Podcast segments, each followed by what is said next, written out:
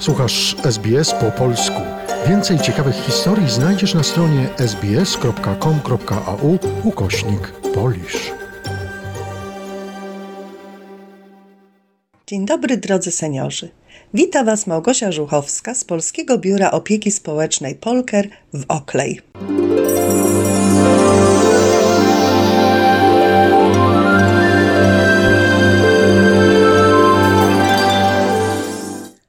Na platformie Wybieram Zdrowie znalazłam ciekawe informacje o czerwiach. Co to są takiego czerwie?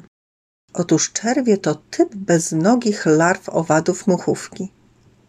Leczenie czerwiami trudno gojących się ran ma wielowiekową tradycję. Jest to rodzaj bioterapii, która polega na umieszczeniu żywych i sterylnie czystych larw w miejscu rany na skórze celem jej całkowitego wygojenia. Leczenie trudno gojących się ran larwami owadów było znane już w starożytności. Był to sposób popularny, ekonomiczny i higienicznie bezpieczny, wziąwszy pod uwagę ówczesny stan wiedzy o bakteriach, a raczej niewiedzy o nich.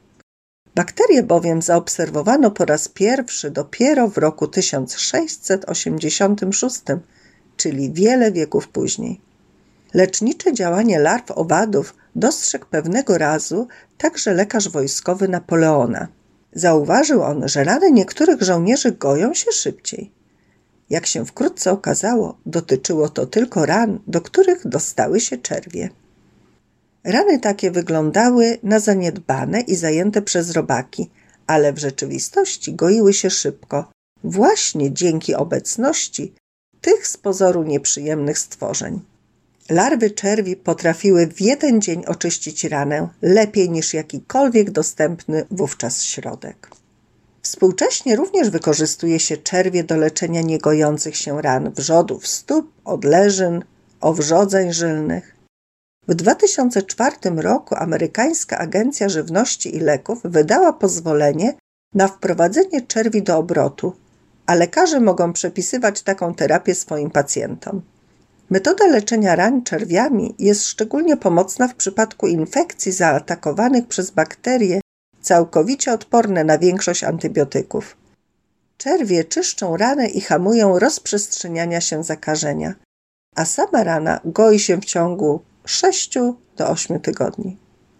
A na czym polega ten fenomen leczenia ran czerwiami? Czerwie wykorzystywane do leczenia ran są larwami pochodzącymi od muchówek z rodziny plujkowatych Lucilla sericata.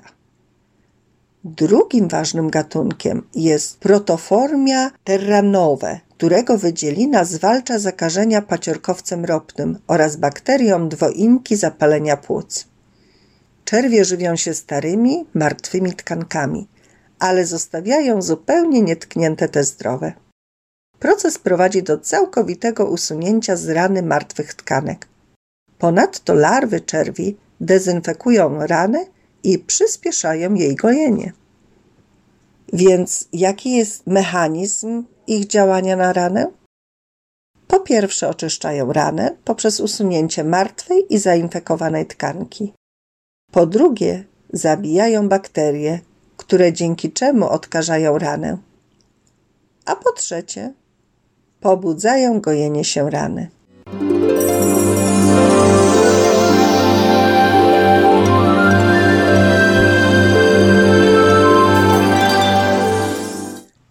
Gdzie jest nasz dom?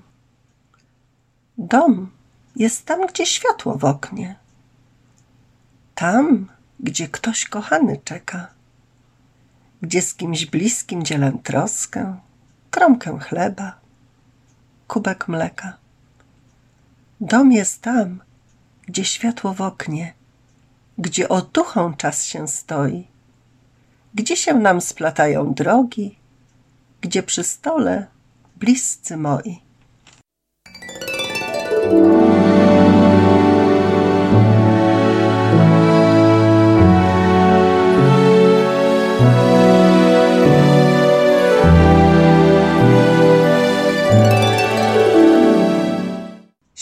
To zdrowie, każdy ci to powie.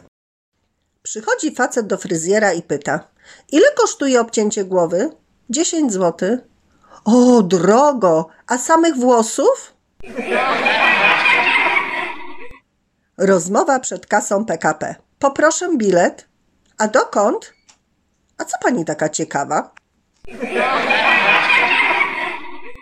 W biurze podróży planuję urlop, tylko zaznaczam, nie w górach, bo tam ceny wysokie i nie nad morzem, bo tam się płaci słono. Co mi pan poleca? Okolice niewielkich wzgórz. Mąż leży na łożu śmierci, przy nim żona. Słabnącym głosem mówi: Czy możesz mi coś obiecać? Ależ oczywiście, cokolwiek zechcesz.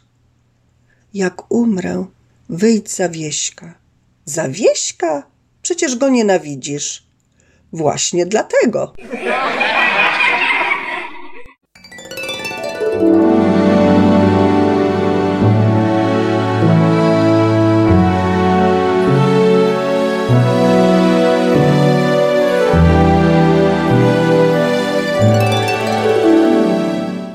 A teraz ciekawostki o Polsce.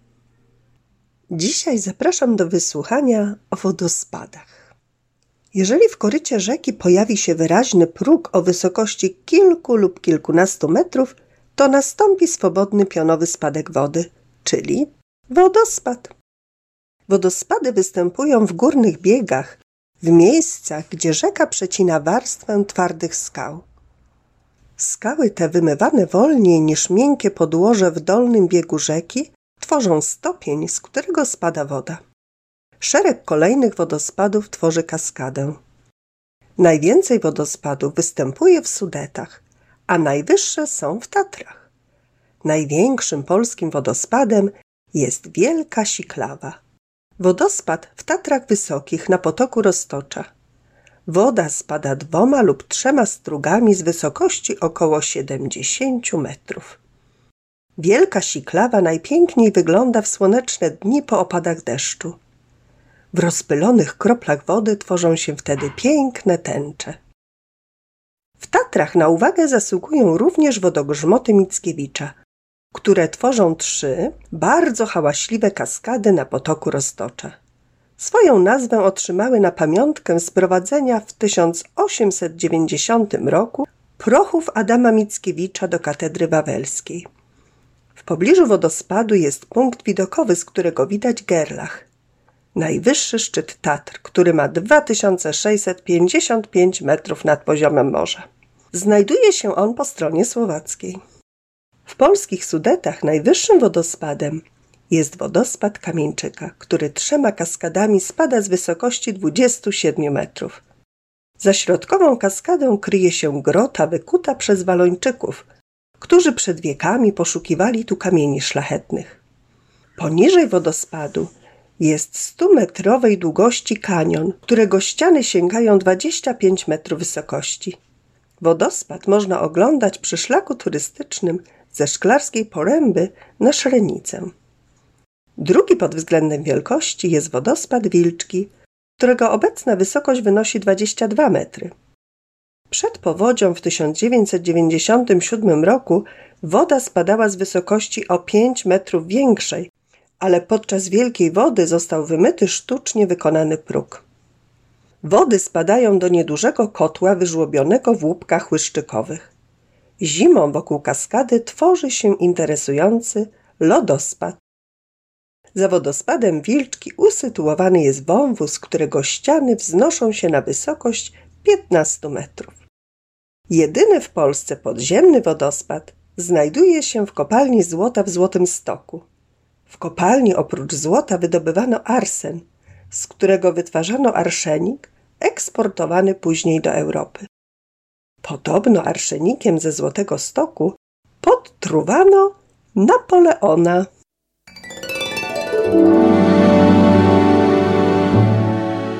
Dziękuję za wysłuchanie dzisiejszej audycji. Żegnam się z Wami, życząc wspaniałego tygodnia.